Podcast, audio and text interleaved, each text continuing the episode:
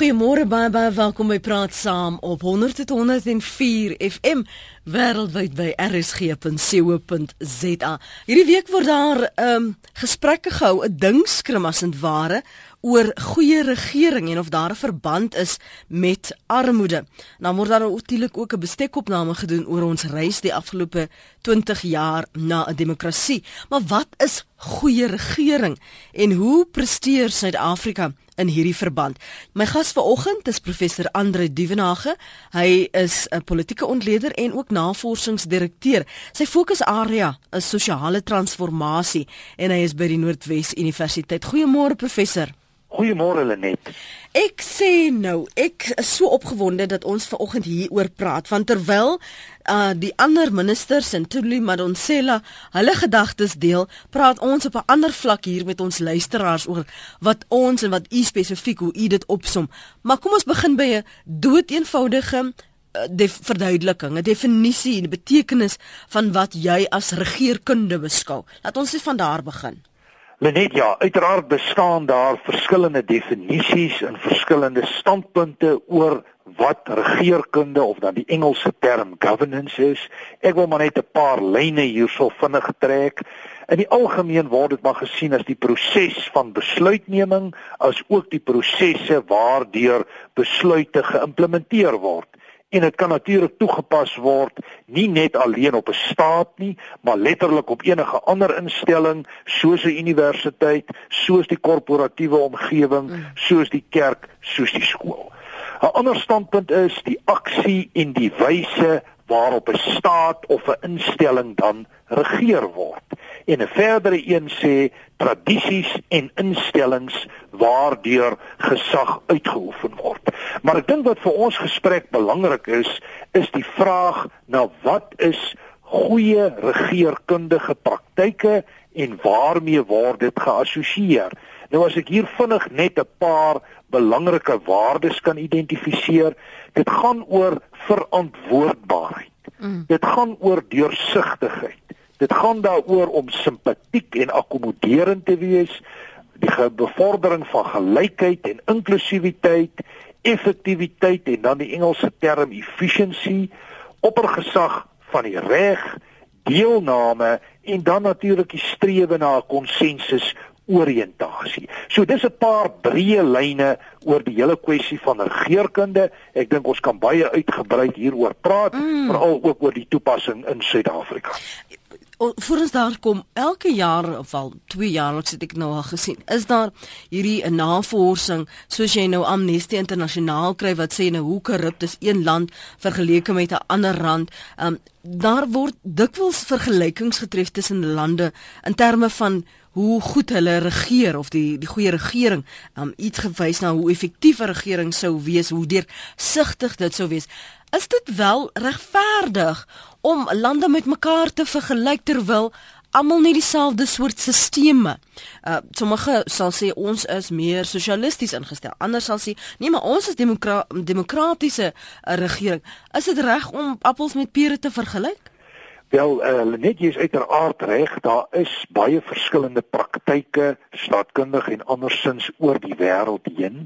Maar ek dink as 'n mens werk met 'n bepaalde definisie van wat is algemene belang, wat is die goed wat vir mense in die algemeen belangrik is, dan is dit tog moontlik dat jy vergelykings kan maak en hierdie vergelykings word wel gemaak. En as ek 'n voorbeeld kan gee, die Wêreldbank identifiseer 6 van hierdie gemeene delers hmm. wat hulle dan nou maar noem goed soos uh, voice and accountability dit is nou maar om te kan ja. saampraat en dan nou verantwoordelikheid die hele kwessie van stabiliteit en die aanwesigheid of afwesigheid van geweld die effektiwiteit van 'n regering hulle beleids en regulatiewe kwaliteit die oppergesag van die reg en dan die beheer oor korrupsie En is interessant volgens die 2011 Wêreldbank indikators wat in 2012 uitgegee is, het ons wat stem en verantwoordelikheid aanbetref 'n redelike goeie punt gekry van 65,7. Stabiliteit en geweld is ons laer 48,1, regeringseffektiwiteit 64,9%, regulatiewe kwaliteit die beleidskonteks 65,9 oppergesag van die reg 58,7 en dan beheer op korrupsie 59,7. So ek dink wel dis moontlik om vergelykings te tref, mm -hmm. maar uiteraard is dit so dat almal nie konsensus het oor wat moet tot watter mate tel nie. Hoe weet 'n mens as jy nou daai persentasies noem? Hoe weet jy goed hierdie is nou soos 'n mens as jy nou 'n rapport kry, hierdie is goeie prestasies, maar hierdie is ruimte vir verbetering. Wel uiteraard lê dit maar ook in die aard van die vergelyking. Dit jy word gemeet teenoor hoe ander presteer, maar wat hierdie indeks aanbetref, is 'n persentasiepunt van 50 bo 50 is is redelik en as jy bo 60 gaan is 'n goeie punt. Maar soos ons vroeër genoem het, die sake is baie relatief. Dit word dikwels verskillend geïnterpreteer en as ons net na die Suid-Afrikaanse konteks op die oomblik kan kyk, is dit vir my duidelik dat ons voor baie baie groot regeerkundige uitdagings te staan gekom het. En dit het ook gebleik uit die konferensie waarna jy vroeër verwys het. En 'n mens dink hier veral aan die situasie ten opsigte van plaaslike regering mm. en veral die finansiële bestuursuitdagings op hierdie regeringsvlak. Ons kom nou terug, kom ons gaan net na ons lyne toe 0891104553 die die uitdagings vir Suid-Afrika vir al plaaslike regering en die finansiële uitdagings veral. Ons praat veraloggend oor regering, goeie regering, hoe presteer Suid-Afrika in die verband? Jy's baie welkom om saam te praat. Jy kan ook 'n draai maak op ons webblad rsg.co.za. Jou tyd staan nou op kwart oor 8 en jy luister na Praat saam op RSG met my Lenet Fransis. Connie, jy is in die Suid-Kaap as ek nie verkeerd is nie môre. Môre Lenet, môre kan die professor. Ek verstaan hy het iets van deursigtigheid gepraat mm. en dit is waarop ek wou fokus Lenet. Ek het nie gehoor wat die professor gesê het nie. Goeiemôre ook aan u professor. Ek dink Lenet uh, binne die Suid-Afrikaanse regering uh, verkeer ons tans in 'n situasie waar ek dink gebrekkige openbare verantwoordelikheid veral dan ook korrupsie en wanadministrasie voortdurend gemaak word. En ek dink daarom is dit ook noodsaaklik dat daar indringend aandag aan die ro uh, rol van die openbare deursigtigheid uh, vir die bevordering van voortrettelike demokrasie aandag. Ag nee. Konnie bel terug asseblief. Ek weet nie hoe ons jou verloor nie.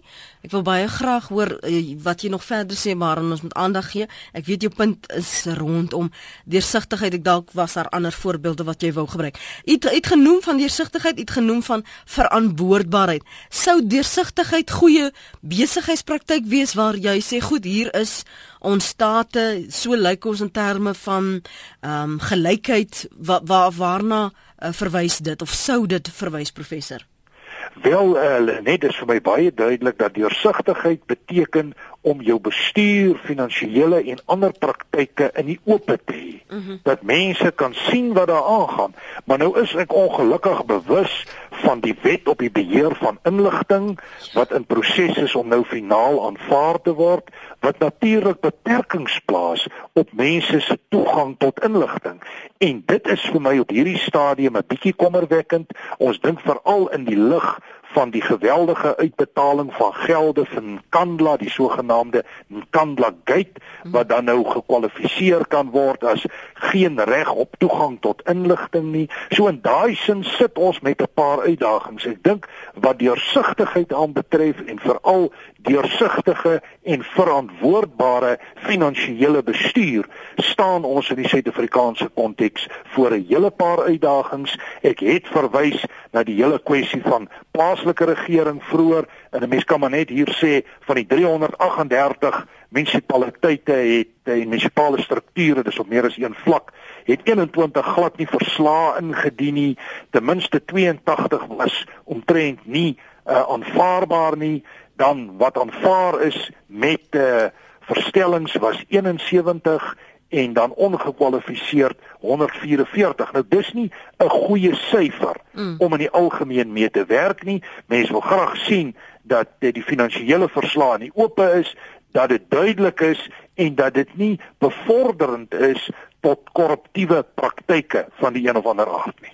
Connie is terug met ons en dan gaan ons na ander luisteraars. Connie, wil jy net jou gedagte voltooi asseblief? O, dis dis ek kon nie daar nie. Kon nie? Hallo Lenent. Vertooi jou uh, gedagte asseblief. Uh, kan jy my nou hoor? Ek kan jou hoor, ja, dankie.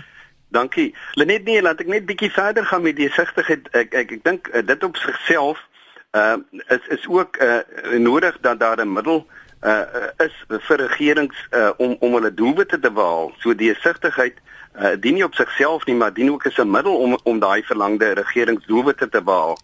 En uh, dan het die professor ook nou genoem wat ek wou noem in verband met die wet op bevordering van toegang tot inligting ook en ek dink nie daar is 'n plek uh, om om geheime te hou nie.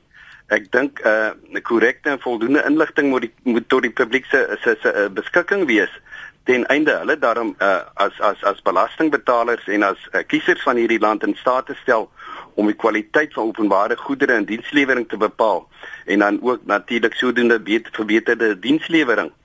Uh ek dink uh, daar moet ook uh, weldeurdagte programme en projekte geïmplementeer word om korrupsie te beveg en nie net praat daarvan nie.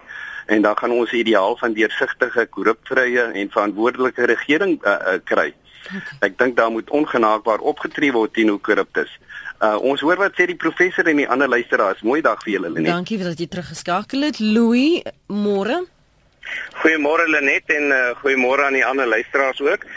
Ek wil net uh, daarom sê as ons gaan kyk na die uh, die handboek wat munisipaliteite veronderstel is om te gebruik. Mm. Dit is 'n practical implementation of performance management. En in die handboek word dit duidelik uitgespel dat die uh, uh die die publiek moet deelneem aan die finansiële besluite van 'n plaaslike munisipaliteit. En hulle moet byvoorbeeld die voorsitter van daai finansiële komitee moet uit die gemeenskap uitkom. En omdat mense hierdie goed nie weet nie, weet hulle nie hoekom daar nie governance toegepas word nie. So ons wil regtig die publiek aanmoedig om deelname in 'n plaaslike munisipaliteit te hê. Jy kan van jou ward level af kan jy mm. betrokke raak en jy kan 'n inset lewer want die uh, eh, IDP van elke munisipaliteit bepaal dat die munisipaliteit moet na die gemeenskap toe kom en elke 3 maande 'n verslag gee van die finansiële uh, aspekte watter projekte moet geloods word. So dit is ons eie skuld as publiek omdat ons nie ons deelname daar het nie. Mm. En in 'n demokratiese land soos uh, ons is al die gereedskap daarso en ons wil regtig waar vra dat mense moet betrokke raak en ons het ons het uh, gee die handboek uit teen 'n 'n nominale bedrag en ons wil graag die publiek oplei om deel te neem aan die proses want hulle kan nie vingers wys as hulle nie weet dat hulle nie self betrokke moet wees nie. Goed Louis baie dankie. Hy's aan Pretoria. Wens nou Ben van Harry Smit luister om in te bel om te sê wat hulle in hulle gemeenskap begin doen het en hoe hulle uitgereik het en begin saamwerk het met die munisipaliteit juis nadat hulle besef het maar hulle het ook 'n verantwoordelikheid.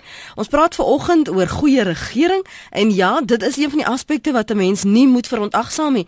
Is Johan Alleman se betrokkenheid, uh, verbruikers se betrokkenheid, belastingbetalers se betrokkenheid in hierdie proses professor Dievenage. Net ja, ek wil net vinnig reageer op wat die vorige twee sprekers gesê het. Ek dink hulle het belangrike insigte en belangrike bydraes gelewer die hele kwessie oor verantwoordelike regering. Ons sit met goeie wette, maar ons pas dit swak toe en dan vir my die belangrike punt, ons ken nie altyd ons wette nie en ons weet nie wat ons met daai wette kan maak in belang van wat die Engelse noem die groter common good nie. En daarom dink ek is opleiding van die kiesers en die burgers en baie keer net inligting oor wetgewing en wat hulle te doen staan van kernbelang.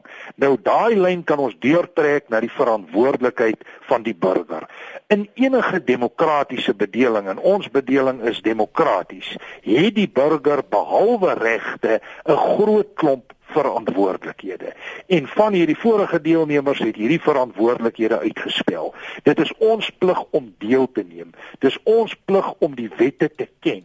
Dis mhm. ons plig om die om die leiers tot verantwoording te roep. Maar dikwels kies ons om apaties te wees en liewers eenkant te gaan staan. In daai sin is ons as burgers medeverantwoordelik vir die situasie soos hy hom tans uitspeel en ook waar dit nie altyd aanvaarbaar is in hoe dit hom uitspeel nie. Kom ons gaan terug na die lyne vir ons verder gesels met professor Dievenage. Ek is nou nie seker is dit Dirk of Druk. Dirk. Dirk. Dankie Dirk, môre. Goeiemôre Kanada. Goed en jy? Nee goed, ek bel hier van Makasa se Mosselwes. Ja. Die dan die wat ek wil net sê van die regering is Uh in Suid-Afrika is te veel armoede en te veel uh, ongeletterdheid. Mhm. En die ander ding wat die oorsaak ook is is uh ons te veel rasse, uh, te veel rasse want ek is miskien 'n kleurling. Nou ek uh, uh, uh wil by die kleurlinge wees. Anna is 'n swart, ek wil by die swart ouens wees. Nou in uh, in daai tyd sien jy nie die verkeerde dinge wat gedoen raak nie. Want dit is die mense op die grond wat die regering op sy toon hou. En die ongelykheid in die land en die armoede is dit nie al die uh bereikbaar nie. Mm -hmm. Alles jy ongeletterd is, jy weet nie wat in in by baie gevalle wat aangaan nie. Kyk as jy nou 'n land vat soos Engeland. Daar is omtrent almal gelyk of goed bevoor. Uh goed uh sal ek nou sê 'n goeie lewe lei. En die mense is goed geletterd daar. En hulle hou die regering op sy tone. Die regering kan nie maak wat hy wil nie. Maar jy kan die regering maak wat hy wil want ek wat arm is, gaan nie nog waar jy die regering maak wat hy wil nie. Want wat kan ek doen aan? Ek kan nie eens hof toe met die regering gaan nie. Dit is maar 'n groot probleem in die land. Dis al wat ek wil sê. Sê sê mag ek net vra, sê jy dan Dirk dat die feit dat daar armoede is, dat armoede en ongeletterd mense terughou om die regering verantwoordbaar te hou? Ja, jy kyk soos byvoorbeeld jy gaan 'n stryk. Mm -hmm. Jy kom nêrens in die stryk jy doen eider nader aan skare aan onskuldige mense.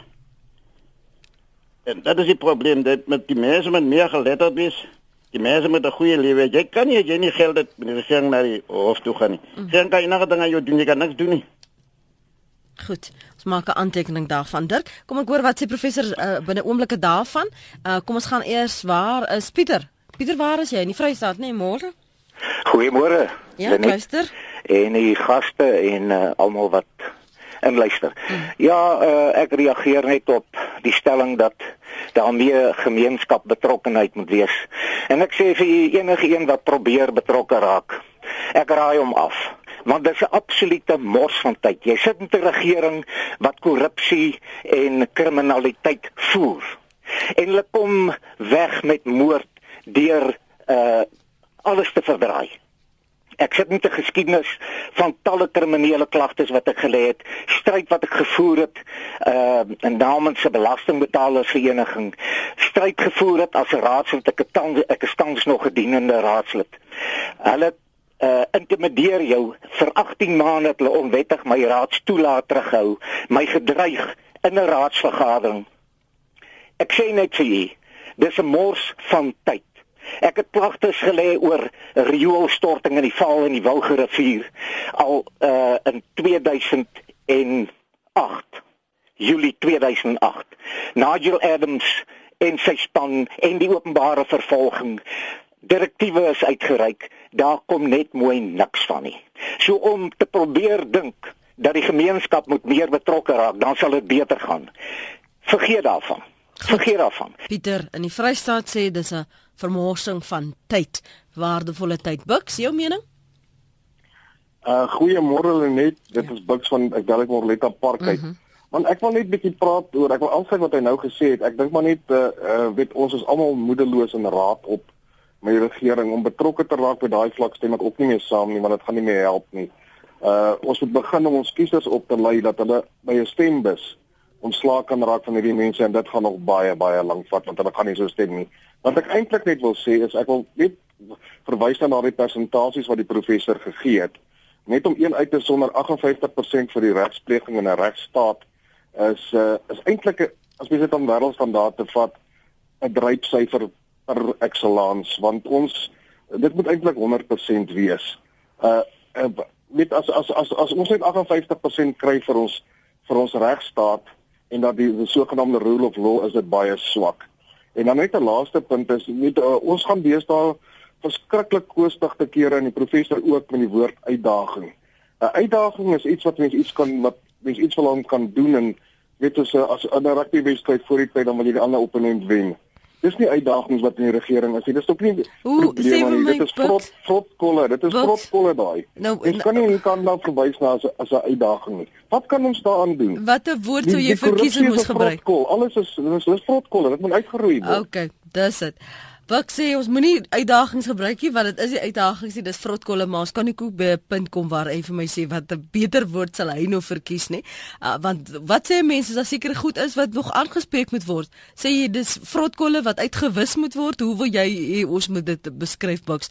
Marcel is in Middelburg. Ek wil net graag jou uh, gedagtes hoor oor wat Pieter sê dis 'n vermorsing van tyd, maar Dirk sê dis armoede en ongeletterdheid hou jou terug om die regering van die dag en ons praat nie net van die regering die regerings um, goeie regering so verskillende vlakke ons praat ook binne maatskappye ek dink iets in die begin daarna verwys dat dit jou terughou om hulle dan nou verantwoordbaar te hou uh, professor Wel ek moet uh, onmiddellik reageer hier op 'n klomp punte wat hier mm, genoem is mm. en dit sluit aan by die saak wat jy nou aanraak maar ek wil begin deur te sê ek is glad nie oortuig dat dit waarmee ons hier te maak het 'n totale verlore saak is nie. Ek dink hier is baie goed wat ons hier kan doen en ek dink 'n mens moet ook krediet gee waar krediet ter sprake is. En as mens net kyk na 'n paar van die prestasies van die regering sedert 94, dan sien ons die getal studente is toegeneem van 360 000 na 740 000. Die getal swart gegradueerdes het met 270% toegeneem. Die getal huishoudings met elektrisiteit het toegeneem van 7,2 tot 12,2 miljoen. Die getal formele behuisings het bykans verdubbel van 5,7 na 11,3 miljoen. So dit is nie net 'n slegte saak nie, maar ek bly staan daarbey dat ons werklik hier met uitdagings te maak het. Van die groot uitdagings is armoede sekere statistieke wys dat bykans 50% van die bevolking uh, ly onder die een of ander vorm van armoede. Ons is bewus daarvan dat omtrent 16 miljoen mense ontvang sosiale toelaag. Nou dis ook 'n kruipende sosialistiese tendens wat nie altyd uh, positief is vir ekonomiese groei en ontwikkeling nie. Ek is bewus van al die probleme op die plaaslike vlak dat mense soms moet wil oorgee want werklik die situasie is baie moeilik. Sommige raadslede word selfs doodgemaak in die proses van interne konflikte. Ons is bewus van ernstige diensleweringprobleme, maar uiteindelik kom die vraag op Moet jy betrokke raak? In my standpunt daaroor is ongekwalifiseerd ja, ons moet betrokke raak, maar ons moet dink op watter wyse ons betrokke kan raak om 'n verskil te maak. Politieke prosesse kan ons in die verband help. As ons net kyk hoe van die swart gemeenskappe betrokke geraak het en dit is die sogenaamde rebellion of the poor, het ons gesien dat in 2010-2011 was daar meer as 12000 sulke insidente gewees oor die hele Suid-Afrika heen. Dit het drasties toegeneem van omtrent 8000 in 2004-2005. So mense raak betrokke. Hier is energie. Die vraag is hoe kan ons daai energie positief aanwend en aanwend tot die sogenaamde breë common good waarna ek verwys het en ek dink dis die uitdaging maar om net te sê alles is verlore alles is klaar verby dan kan jy net sowel maar jou tasse pak en ook weggaan. En ek persoonlik dink ons het 'n toekoms hier. Ons moet hier help bou aan 'n toekoms. Ons moet probleme definieer as uitdagings en ons moet die wyse bepaal hoe ons betrokke gaan raak om 'n positiewe verskil te maak. Um ek net vir ons luisteraars sê ons gaan nie dieselfde punte wat geherhaal is of al reeds geopper is herhaal nie. So as ons aanbeweeg Pieter, dan gaan ons aanbeweeg. Ons kan nie stil staan by een nie. Daar's te veel ander aspekte wat ons moet dek. Marcel, jy's op Middelburg. Ek gaan vir jou kans gee om te sê wat jy wil sê en dan gaan ons vinnig vir Loukie en vir Anet ook vra om hulle punte te maak want hulle hou ook al aan, hoor. Môre? Môre hulle net ja. Nee, ek dink uh as die luisteraar luisteraars nou uh, oor al die klagtes klaar gekla het en uh, oor al die groot probleme dan uh, moet hulle net hier in Middelburg gedraai kom maak is in Middelburg en Mpumalanga. Ehm um, ek dink ons is die beste stadstraat in in Suid-Afrika. Dinge loop net vlot hierso die strate word geteer as die gras so uh 10 cm lank is op die in die parkies word dit gesny. Ons weet nie wat is 'n slaggat nie, daar's water in die in die pype en daar's krag in die drade. Uh, dinge loop net klop duffelboom hierdie kant. Ons het regtig waar niks om oor te kla nie. Goed. So jy sê julle werk daar. Sê jy? Jy sê dinge werk daar. Ja, uh, en en ek dink ons kan die Here dank daarvoor want ons het 'n uh, Christene in bes, in beheer van ons staatsraad. Uh, meneer Mike Massina is 'n gelowige. Hy hou gereeld uh, gebedsgeleenthede saam met die gemeenskap. Uh, ek meen daar's 'n koeldrankfabriek wat nou hier oopgemaak het, een van die grootstes in Suid-Afrika. Hulle kom van Queenstown af en hulle het wyd gesoek na 'n uh, uitstekende plek om 'n fabriek op te sit en hulle keuse was Middelburg geweest omdat hulle gesien het hier gebeur die dinge. Goed, ons moet dit daar laat. Dit gebeur daar op Middelburg in Mpumalanga. Sê Marcel Loukie. Loukie. Hallo? Hallo ja, jou kans nou? Ai, weet jy, ja, weet jy, dit is voel net vir my of die regering verhewe is bo die wet. Ja, as ons nou net kyk na na 'n paar goedjies soos nou die Nkandla kwessie, daai verslag wat nou gedoen is. Ek wil net graag weet hoekom mag die publiek nou nie insaag het of hoekom mag ons nie weet wat in daai verslag staan nie. Is daar nou korrupsie gepleeg ja of nee? Dit is die president regtig verhewe bo die wet. Ehm um, dit is dit sulke goedjies wat wat my as persoon negatief maak, maar ou kan dit ook nie daar los nie. Sê gou vir my, as jy dit daar as jy dit daar los, dan ehm um, dan wil ek aansluit by Dirk kan kan ons maar ons tasse pak en gaan jy weet. Maar en dis nie wat ons wil doen nie want dit is ons land hierdie ja, ons maar, maar, ons, ons ons gesprek vanoggend gaan wat dink jy is goeie regering en hoe dink jy presteer Suid-Afrika in die verband? Maar, en as ons praat van ja, van maar, van maar hoe Suid-Afrika presteer dan vra dit ons nie net op 'n vlak waar daar verwys is na die regering in in die presidentskap ja. en net ons praat oor ander vlakke op ander vlakke ook Ja, maar goeie regering op die einde van die dag is deursigtig in in alle kwessies. En dis waar dit vir jou is. En en en vir vir vir vir vir al wanneer dit by korrupsie kom. Het um ons regering sê dag na dag hulle wil korrupsie uitwis, korrupsie uitwis, korrupsie uitwis. Maar as as ons kyk na wat agter die gordyne gebeur en wat toegesmeer word, nee, is hulle deursigtig. Goed, Loukie daar in Rustenburg, Anet hou nog aan. Dankie vir jou geduld Anet, môre. Hallo Lenet. Weet jy, um ek sien son Dirk het vroeër ingebel. Mhm. Mm en hy het spesifiek gesê dat dit het vir my gevoel hy sê dat geregtigheid is vir mense wat geld het, nie regtig vir die arme mense nie.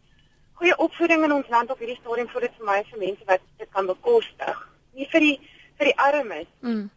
En um ek noem my voorbeeld die van 'n vyfer ouetjie, ouetjie wat skuldig bevind daai tyd en hulle was in die finansiële posisie om dat weer te kan appeleer met goeie advokate en op die eind kon hy regkom.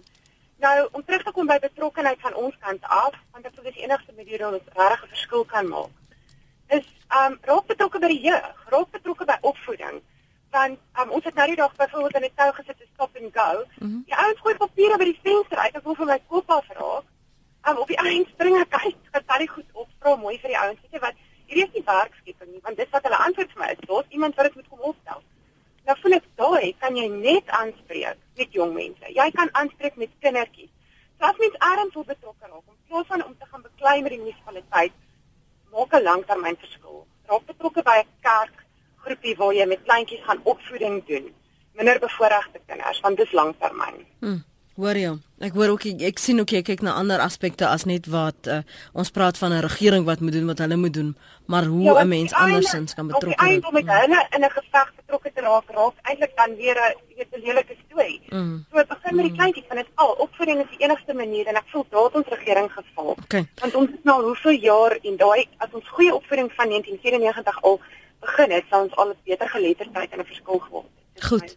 Dankie man. Kom uh, lees wat skryf van julle hier op ons webblad rsg.co.za en dan gaan ons 'n breek moet neem en dan by Chris Swanepoel vinnig aansluit om te hoor hoe die cricket uh, vorder op die oomblik daar in Dubai. Uh, Oeverberger skryf vir my voel dit of ek die plaaslike owerheid hier wil indoen om 'n aanmaning uit te stuur vir jou munisipale rekening wat afgestel is is gedateer die 10de van die maand het ek elektroniese oorplasing die 8de van die maand gemaak maar steeds vra hulle R300 vir die aanmaning. Ek het hulle genader, maar my 300 rand is seker by die bekende hoenderplek gespandeer sê Oeverberger nou hier. Um aan die moedelose ouens, ek het in my bedryf personeel my personeel geleer om 'n papier op straat op te tel ongeag wie dit daar gegooi het. As jy toevallig sien wie dit gooi, spreek die ou met takt en oorleg aan. Dalk wen jy die gesindheid, maar moet jy nie ophou met die lospapiere op te tel nie. Daarin lê die oefening om ten spyte van die chaos vandag aan te hou om te doen wat reg is, ongeag die beloning. Genade is verniet, maar nie goedkoop nie. Dis Chris Mooman se mening daar. En dan sê Cathy sy stem uh, 100% saam met Pieter van die Vrystaat. Sy jy mors ook net jou tyd om betrokke te raak. Uh, Christine Wahan sê sal dit beter wees as daar wegbeweeg word van politiek op munisipale vlak nie. Almal het tog dieselfde probleme en sal saam staan vir beter dienslewering, maar politiek verdeel mense. Wat help dit om politici in te stem wat niks weet en dan betoog en brand jy as dienste swak is?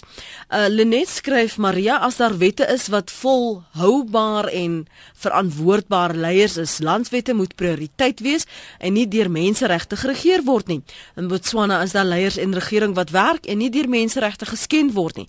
So 'n land word geregeer deur behoorlike wetgewing en landsburgers moet wette ken en verantwoordelikheid aanvaar. So dikwels hoor ek luisteraars sê en daar word melding gemaak van China byvoorbeeld, wel het ekonomiese vooruitgang, maar as ek hulle byvoorbeeld nou sou vergelyk professor met wat jy genoem het, uh, verantwoordbaarheid, deursigtigheid, inklusiwiteit, effektiwiteit, deelname, uh, vir my vorder hulle nie so goed nie, maar sou ons sê hulle het goeie regering. Lenet ja, dit dit hang nou af uit wat jou filosofiese vertrekpunt is. Ja. Volgens wat ons nou maar noem goeie regeringskundige praktyke en dan spesifiek jou demokratiese konteks, is dit baie duidelik dat die Chinese eintlik baie swak gaan vaar. Jy is heeltemal reg dat hulle ekonomiese groeikoers is geweldig goed, met tye selfs dubbelsyfers op die ekonomiese groei, maar as jy kyk na al hierdie ander aspekte wat ek genoem het, verantwoordbaarheid, deursigtigheid, dan is dit heeltemal 'n ander verhaal. En dit is glad nie uitgesluit dat ons volgens die Wêreldbank van regeringskundige indikatore selfs bokant China kan eindig in die verband nie. So die prentjie is nie altyd so sleg nie, maar soos jy in die begin van die gesprek gesê het, dit is soms baie moeilik om appels met pere te vergelyk. Die Chinese omgewing is 'n totaal ander omgewing met 'n ander stel uitdagings, ander politieke prosesse, ander besluitnemingsprosesse, maar ek dink net die Chinese model op die oomblik is natuurlik besig om vir Suid-Afrika 'n belangrike ontwikkelingsmodel te mm. Omdat hy so geweldig sterk groei. Mm. En dis ook waar ons sal kan baat met hierdie BRICS vennootskap omdat ons dan sien hoe word daar bestuur. Word dit aan die ekonomiese ontwikkeling, maar aan die ander kant waar 'n sosiale transformasie, die gelykhede wat ons na verwys wat die luisteraars ook van gepraat het, waar dit aangespreek kan word sonder twyfel die mm. BRICS koneksie is vir ons 'n baie belangrike koneksie. Dit is 'n omgewing waar Suid-Afrika as 'n ontwikkelende tipe staat kan deelneem. Ons weet daardie state werk baie sterk met die konsep van wat hulle in Engels noem 'n developmental state, 'n ontwikkelingsstaat en een van die take van 'n ontwikkelingsstaat is ook om teen armoede te werk, om te kyk tot watter mate kan jy groter sosiale gelykheid bewerkstellig. Maar as ek dit alles sê, wil ek daarom ook 'n ander punt uh, bevestig en beklemtoon hierso. En dit is dat jy nie alle verantwoordelikheid aan die staat kan oorlaat nie die individu, die gewone burger moet ook vir homself verantwoordelikheid neem. Die Engelse het 'n baie belangrike gesegde wat sê you are the master of your own disaster. En ek dink in daai sin moet ons as Suid-Afrikaners ook verantwoordelikheid neem vir ons situasie en kyk hoe kan ons positiewe verandering bewerkstellig en nie alles afhanklik maak van die staat. Die staat se rol behoort in baie opsigte kleiner te wees en nie groter te wees ooreenkomstig my staatsbeskouing. Kom ons hoor wat uh, Joseph, ek dink is dit Joseph is of Joseph? Joseph. Joseph, dis wat jy verkies mm. môre. Wat sê jy? Môre net. Ehm um, ek wil graag weet die die uh, munisipale of die wet sê die die grondbelasting wat jy aan die munisipaliteite moet betaal bly jou verantwoordelikheid. Ehm um, Maar as jy nie die rekenings ontvang nie of as daar gedurig administratiewe foute insluip en die rekenings gaan na adresse toe wat jy nie eers weet van nie. Ehm um, hoe kan jy dan bly verantwoordelik vir die ehm um, vir die vir die boetes wat hulle het en ook die as jy oorgegee word aan 'n prokureur vir daai vir sy kostes. Ehm um, as jy reeds die saak reggestel het en die saak bly herhaal omdat die goed nie by jou uitkom nie, is daar ook iets wat wat die munisipaliteit voor verantwoordelik is dat hy ook 'n plig het teenoor jou. Maar natuurlik. Maar jou punt wat jy wil maak vir oggend rakende ons onderwerp is is laat ehm um, laat die die munisipaliteit kyk jy dit net in jou eie belang as jy die munisipaliteit mos nou steun. Maar nou nou bly die die die rekenings na verkeerde adresse toe gaan en dan bly jy verantwoordelik vir die vir hulle fout, vir hulle administratiewe fout. Is dit reg so dat jy vir hulle administratiewe foute moet moet betaal? Wat dink jy, is dit reg so dat jy vir hulle administratiewe foute moet betaal, Joseph? Ek dink glad nie so nie, maar ek dink die wet laat dit toelaat dat jy kan sê nee, maar dit was julle fout gewees. Ehm um, want ek het al 'n pad, die pad met hulle geloop en jy kom net nie voor voor dooie mans deur. Is daar 'n vraag? Ek wil graag weet wat die wet sê of die professor kan sê wat die wet sê rondom dit of of hulle of, of, of as jy jou jou bes gedoen het om die rekening by jou te kry, hoe ver jy moet gaan om nou die rekening by jou te kry. Goed Joseph. Kan u daai vraag beantwoord? Ja, ek wil, wil net sê die kwessie van aanspreeklikheid strek nie net ten opsigte van die burgery nie, maar daar's 'n baie duidelike aanspreeklikheid ten opsigte van die breë plaaslike regering en ook administrasie. En uiteraard kan jy stappe neem en kan jy handel, jy kan selfs met bepaalde regsprosesse volg. Natuurlik is jou pad wat jy eers sal loop om te kyk of jy die proses met die betrokke amptenaar of die administrasie kan uitsorteer. As dit nie werk nie, kan jy beweeg na die punt toe van 'n politieke omgewing waar jy met jou raadslede skakel en kyk tot watter mate hulle vir jou daar kan help en as dit verder nie werk nie, het jy uiteraard bepaalde regsprosesse wat jy kan volg. Maar daar is aspekte van die wette wat jou beskerm in die verband en uiteraard en ons praat oor goeie regering en goeie regeringskundige praktyke impliseer dit ook goeie administrasie. Dit impliseer effektiewe administrasie maar ek is bevrees die luisteraar is reg. In baie gevalle sit ons met swak administratiewe praktyke. Ons sit met stelsels wat nie behoorlik funksioneer nie en dit bereik in sekere omgewings krisisafmetings waar ons selfs kan praat van die verval van instellings en ek dink dit is hier waar ons groot uitdagings lê, maar daar is maar 'n pad wat mens hiermee moet loop en ek is bewus van baie mense veral ook in jou Gauteng omgewing wat met hierdie tipe moeilikhede gekonfronteer word. Maar maar die een ding wat en ek laat ek ook sommer net sê dis nie almal wat so voel nie want ons praat met verskillende mense en almal het 'n verskillende opinie almal bel nie noodwendig in na praat saam nie Is dit 'n geval waar jy vanoggend glo as ons kyk na Suid-Afrika se prestasie in hierdie verband professor Dievenage is dit tyd om boedel oor te gee? Moet 'n mens maar net sê wel ek wil tog niks met die mense doen nie. Ek wil hier wees ek wil hier bly nie ek wil nie my deel doen nie. Dan waar laat dit ons? Lenet ja ek dink uiteraard gaan mense verskillend reageer op die situasie. My aanvoeling is dat ons steeds 'n belangrike verskil kan maak dat ons met konsultasieprosesse, met gesprekke, met samewerking 'n klomp dinge kan bereik. Ek glo glad nie dat alles verlore is nie. Soos ek sê, ek staan daarby dat ons het uitdagings waarvoor ons hier te staan kom, maar uitdagings waarvoor ons kan antwoorde vind. En baie keer as jy op die regte wyse betrokke raak. En baie keer impliseer dit ook 'n politieke betrokkenheid. Baie keer impliseer dit dat jy moet uitreik na mense toe om sake te hanteer. Dink ek kan ons van hierdie sake regstel. Trouwens, ek wil so ver gaan om te sê dit is baie keer uh gerieflik om te kritiseer, maar dit is soms beter om proaktief betrokke te raak en 'n saak te hanteer in die beste belang nie net van jouself nie, maar ook die groter omgewing. En daar is ek proaktief. Ek dink die regering ten spyte van hulle swakhede is ook met inisiatiewe besig om te kyk hoe hulle van hierdie sake kan regstel om kapasiteit te bou. By die universiteite is ons besig met opleiding van mense om kapasiteit te help skep. So ek dink daar is ook positiewe goed aan die gang wat kan aan, aangebied word as 'n balanseerder op van hierdie negatiewe aspekte. Baie dankie vir u tyd vanoggend hier op praat saam uh, professor Andre Dievenagel. Waardeer u tyd. Hy is 'n politieke ontleder en hy's ook navorsingsdirekteur. Sy fokusarea is sosiale transformasie by die Noordwes Universiteit. Mooi bly. Dankie Lenet. Al uh, hier skryf Mervin, die private sektor moet ook hulle deel doen. Wat is dit wat wat is dit dat ons elke keer hoor hulle span saam om pryse vas te stel. Nou klaar die mense net van die regering almal moet hulle deel doen. En dan sê Nicholas, swak regering het niks met armoede te doen nie. Kyk maar na Zimbabwe. Armoede se Moses, maar hulle omgewing, dorpe en stede is nie so vuil soos ons nie.